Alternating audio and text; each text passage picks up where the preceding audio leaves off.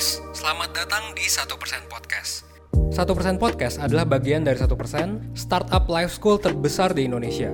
Dalam podcast ini kita bakal ngebahas topik-topik seputar kesehatan mental, pengembangan diri, serta edukasi life skills dengan tamu yang handal di bidangnya.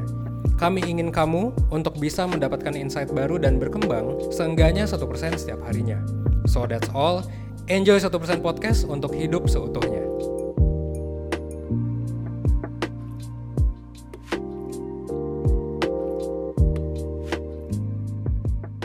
Hai hai hai Personers, kembali lagi di 1% Podcast bersama Leita Lovmanya Siregar. Nah, teman-teman tadi sore Leita tuh habis JJS sama Bunda buat beli makan malam. Nah, setelah Bunda duduk tuh di bonceng Leita, kalimat yang pertama kali Leita adalah ini mau ke mana.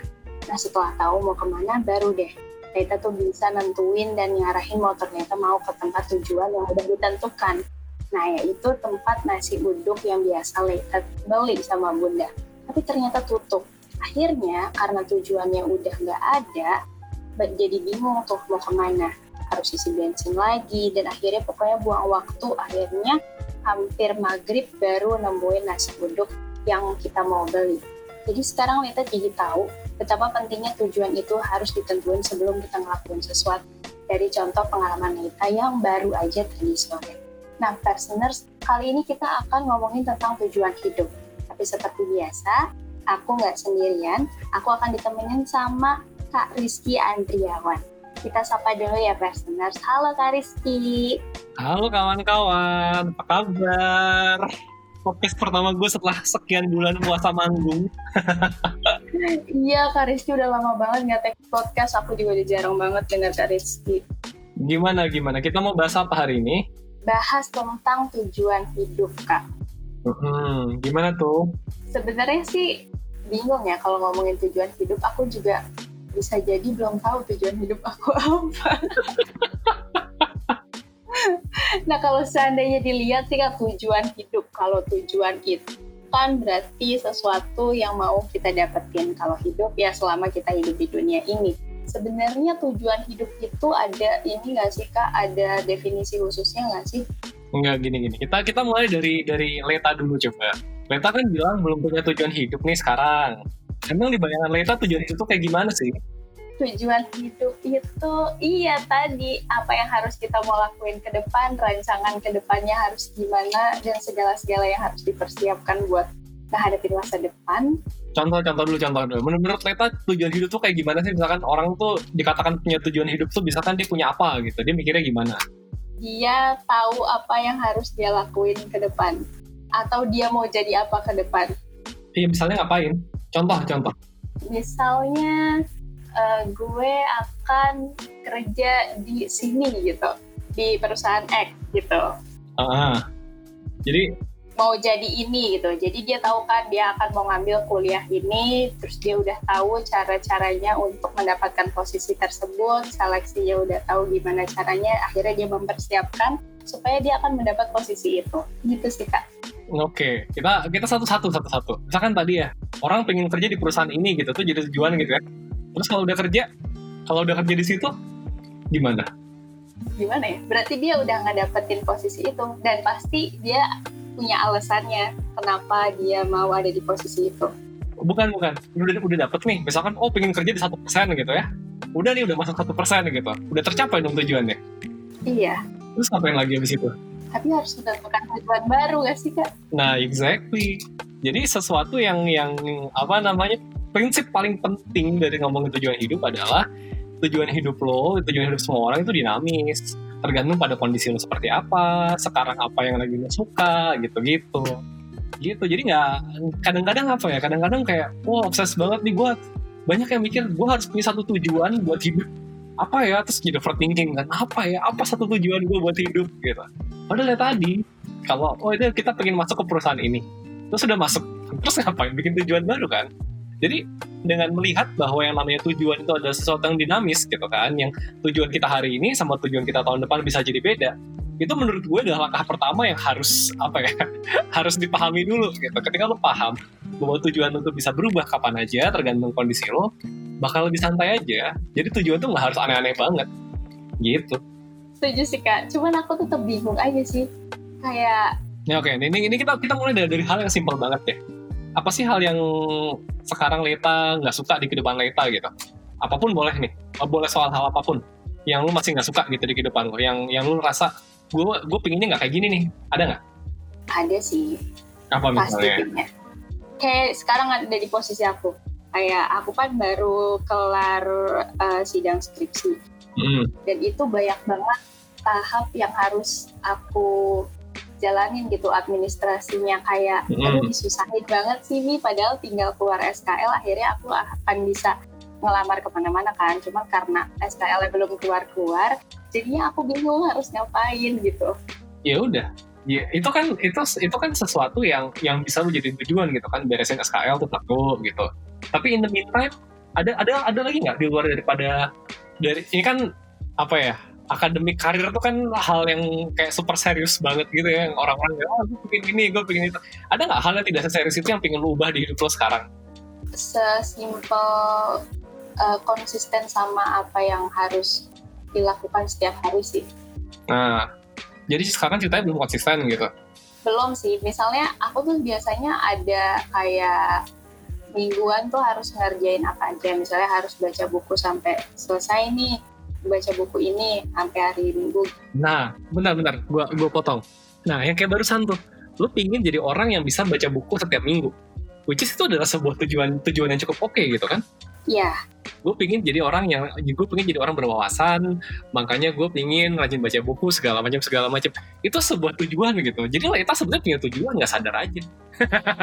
Iya kan? sih iya iya sih benar benar benar iya ya kenapa aku mikirnya tujuan hidup itu harus karir yang serius-serius ya Ya makanya, hidup kita kan tidak harus serius setiap saat. Capek nggak sih hidup serius-serius mulu? iya sih cuman nggak kalau seandainya benar-benar gak ada tujuan hidup sama sekali itu sebenarnya kita bakal kenapa sih mungkin nggak sih orang nggak punya tujuan hidup sama sekali? Kalau tadi ya kita udah luasin definisinya mulai dari hal tadi tuh. Gue pengen jadi orang lebih berwawasan gitu. Mungkin nggak? Ada orang yang nggak punya tujuan hidup sama sekali. Eh, bisa nggak kak kalau seandainya bilang aduh gue nggak tahu nih gue mau ngapain lagi gue gabut itu bisa kak dia dibilang nggak ada tujuan Oke, dia nggak tahu lagi ngapain lagi karena dia gabut kan. iya Artinya apa yang dia mau sebetulnya? ada kerjaan Exactly, oh itu tujuan exactly simple. Gimana cara Oh, iya, iya. supaya gimana cara coba supaya nggak gabut gitu? scroll Instagram chatin teman-teman Nah, ya udah, sesimpel itu. Emang kadang-kadang kan, kadang-kadang kan hidup kita apa namanya kita fokus sama, aduh nih gue gak ada kerjaan sama sekali nih, gue mau ngapain gitu kan. Padahal kan ada banyak hal yang bisa kita lakukan. Kayak tadi, kontak teman-teman, ngobrol sama teman gitu kan. Itu kan sesuatu yang sebetulnya bermanfaat buat hidup kita. Jadi orang yang jadi orang yang punya hubungan baik, punya relasi yang baik sama orang lain gitu kan. Itu bisa dikerjain.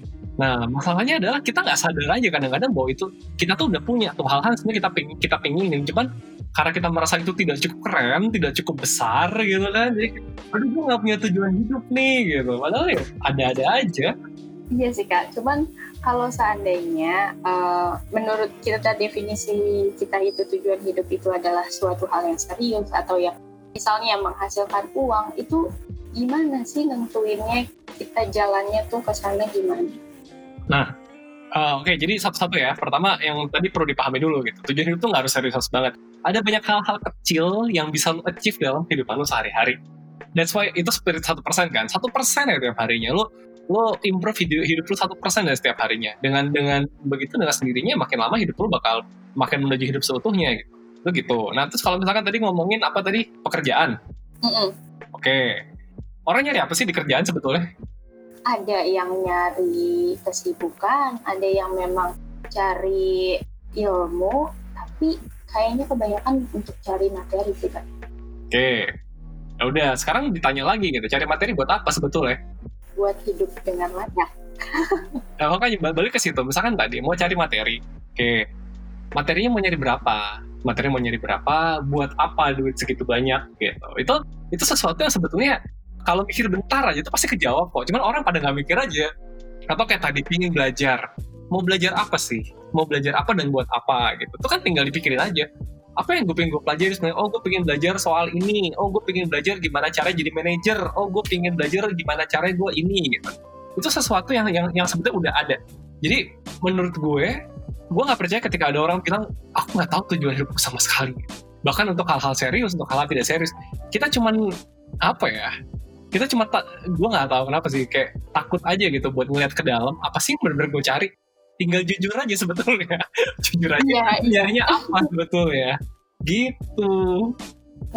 Kalau seandainya kak kita tarik lagi tujuan hidup itu ke arah kita ngambil kuliah tuh apa atau kita mau jadi apa ke depannya. Sebenarnya caranya itu menurut Kak Rizky kita harus gimana supaya kita tahu nentuin tujuan hidup tuh. Nah, oke, oke, nih, nih, ini menarik nih. Menurut lo, kenapa, kenapa milih jurusan kuliah tuh harus dipikirin banget? Karena pasti ujung-ujungnya itu adalah pengen mendapatkan kehidupan yang layak kak. Takut Oke. untuk, ya takut untuk dikucilkan oleh orang lain, dirinya nggak sederajat sama orang lain, atau takut eh, dia nggak akan mendapatkan sesuatu yang bisa eh, membuat hidupnya lebih baik dan bertahan seperti orang lain gitu. Oke, itu itu ada banyak takutnya. Kita bahas satu persatu ya misalnya. ya. Kita bahas pertama masalah takut hidupnya tidak menghasilkan. Coba-coba diri tadi ketakut ketakutan yang lu lu bilang ketakutan takut apa aja? Iya takut hidupnya nggak layak seperti orang lain gitu. Oke, definisi layak tuh apa? definisi layak ya bisa jadi takut nggak bisa sampai nggak bisa makan nggak tahu besok harus uh, bertahan hidup sama apa dan nggak mau ngerasain kekhawatiran itu gitu loh Kak. Oke, oke. Ini ini ini ini alasan pertama ya. Alasan pertama lu kuliah adalah supaya lu punya pekerjaan yang bisa ngasih lu makan. Iya Oke. Buat orang yang punya ketak- ketakutan kayak gini kan sebenarnya simpel aja ya. Kerjaan apa yang kerjaan apa yang bisa ngasih makan? Ya udah kerjaan apa yang bisa ngasih makan gitu kan. Which is ada banyak banget kan. Ya tinggal pilih aja gitu. Apa yang kira-kira lu bisa. Oh misalkan, oh sekarang lu lagi banyak lowongan di bidang ini nih, bidang eh, desain grafis gitu misalnya. Bisa nggak sih lu desain grafis? Oh ternyata bisa ya tinggal masuk kuliah desain grafis, udah selesai dapat makan.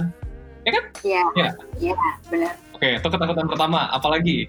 ketakutan kedua adalah tidak sederajat dengan orang lain maksudnya takut dipandang sebelah mata mungkin sama orang lain Dipandang sebelah mata sama siapa?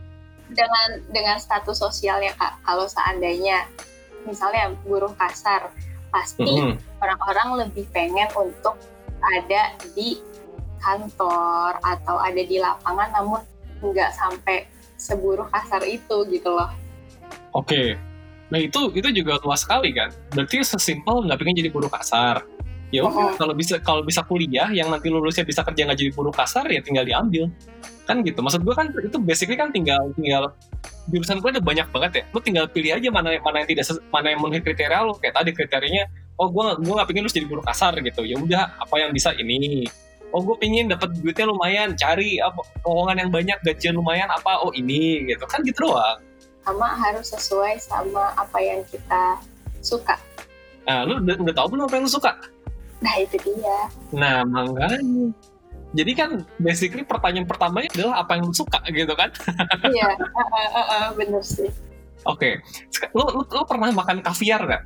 pernah Oh, kurang aneh berarti. Lu pernah makan escargot nggak? eh, enggak Oke. Suka nggak escargot? kan nggak pernah makan jadi nggak tahu tuh apa. Exactly the point. Kalau lu nggak pernah cobain, lu nggak akan tahu suka apa enggak gitu. oh berarti berarti kita harus coba sebanyak hal kak supaya kita tahu apa yang kita suka Eh sekarang gini, lu lu pengen cobain escargot nih? Atau sesimpel kayak misalnya ada sebuah chicken nugget baru gitu ya. Di supermarket dijual kan ada mbak-mbak yang ngasih sampel ya. Lu kan nggak harus beli sebungkus chicken nuggetnya, cobain aja sampelnya. Oh suka nih ya. Ya kan? iya Nah, jadi gimana caranya dapetin itu aja kan sebetulnya? Oh, pengen tahu jadi arsitek enak nggak ya? Gimana cara lu tahu jadi arsitek apa enggak? Nah, sekarang kan udah zaman teknologi ya. Lu cari di YouTube gitu. Pasti banyak lah arsitek-arsitek curhat gitu. Oh, jadi arsitek ternyata repot. Nah, repotnya apa? Gini, gini, gini. Oh, itu nggak repot buat gua. Berarti gua bisa nih jadi arsitek nih, kan gitu. Gitu. Jadi di define dulu aja. Jadi kalau lu nggak pernah cobain, lu nggak tahu suka apa enggak. Tapi nyobainnya jangan full course juga kan. Sama kayak kayak kalau kita kondangan gitu ya, itu makanan kan banyak banget ya. Kita pasti penasaran gitu kan, mana yang enak ya sebetulnya ya. Sementara kapasitas perut kita segini-segini aja. Kalau lu cobain nasi gorengnya makan sepiring gitu kan, lu nggak akan bisa cobain yang lain. kan kita pingin kita makan paling banyak adalah yang kita suka. Nah jadi cara gimana? Makanya dikit dikit dikit dikit, dikit. udah tahu nih. Oh yang paling enak adalah kambing guling nih di, di kondangan ini. Ya udah kambing guling gue makan satu dua porsi ini habis ini.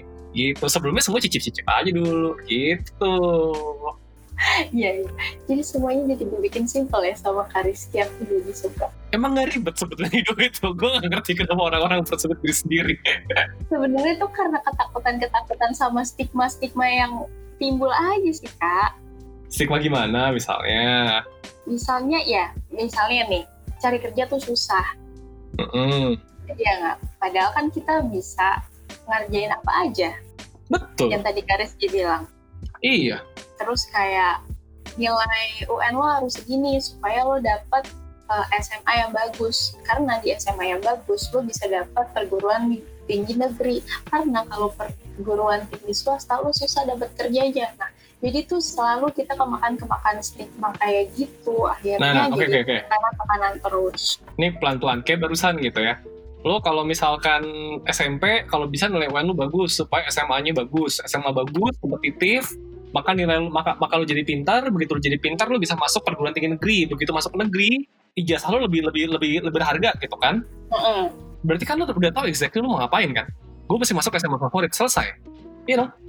Tapi yang yang ngebedain tuh sebenarnya bukan masalah nggak punya tujuan gitu. Kadang-kadang orang tuh uh, tadi ya sebetulnya punya tujuan. Tahu tahu dengan pasti gue pengen masuk SMA favorit dengan alasan ini supaya gue begini begini. Tahu tapi nggak berani ngakuin gitu. Kenapa? Kadang-kadang takut takut aja buat ngelakuin sama diri sendiri. Oh gue tuh pengen masuk SMA favorit tapi ragu bisa nggak ya? Ntar kalau nggak bisa gimana? Aduh ini berantakan gimana? Aduh ini tuh ntar gimana? Nah padahal itu kan overthinking overthinking kayak gitu tuh makan waktu dan energi mental ya. Padahal kalau itu waktu dan energi mentalnya kita pakai buat ke strategize. Gimana sih cara supaya UN gue bagus gitu? Oh misalkan gue pengen masuk SMA mana? SMA SMA 8 gitu. Oh mesti nilainya rata-ratanya 9,2 oke gimana cara gue punya rata-rata 9,2 matematika gue sekarang berapa, bahasa gue sekarang berapa, bahasa Inggris gue sekarang berapa. Oke, mana yang bisa mungkin gue improve kan tinggal di strategiin aja. Cuman itu bisa dimulai ketika lo berani mengakui bahwa ini yang gue mau, ini tujuan gue. Orang tuh pada malu-malu kucing aja mengakui apa yang dia mau, gitu. Makanya nggak melakukan apa-apa. Akuin aja. Iya. Bener kak, akhirnya nggak ngelakuin apa-apa. Iya, ini yang gue mau, ini harus gue usahain, usahain, gitu. Berarti awalnya, titik awalnya yang harus kita tahu adalah kita sukanya apa ya? Supaya kita tahu tujuannya ke depan apa. Iya. Lu sukanya apa lu butuhnya apa tinggal didefinisin aja kan? Iya. Terus baru. Nah kalau seandainya sukanya banyak? Sukanya banyak. Oke ini ngomongin apa nih? Ngomongin kuliah Ngomong, kerjaan pasangan? Iya. Jangan pasangan dong pasangan juga nggak apa-apa emang kenapa? Pasangan kalau sukanya banyak repot Justru itu kalau sukanya satu, pilihan lu satu, itu bukan pilihan namanya. itu adanya siapa. iya sih. Maksudnya misalnya kayak gue suka dengerin musik, tapi gue juga suka baca dan gue suka nulis puisi. Akhirnya gue nggak tahu nih sebenarnya yang paling gue mau itu apa. Mm -hmm. Nah, itu nentuin tujuannya dari apa-apa yang kita suka itu gimana? Gini, gini, gini ini tadi apa nulis baca sama main musik. Eh, yeah. ngomongin musik. Oke ini kita ngomongin hobi ya berarti ya bukan bukan ngomongin kuliah ngomongin hobi. Ya kalau hobi mah sesimpel lakukan apa yang kata hati lu bicara aja sih menurut gue. Asik. Maksud gue kayak eh, serius gue tuh ah, kayak apa ya gue sesimpel di di ruang kerja gue di rumah gitu ya.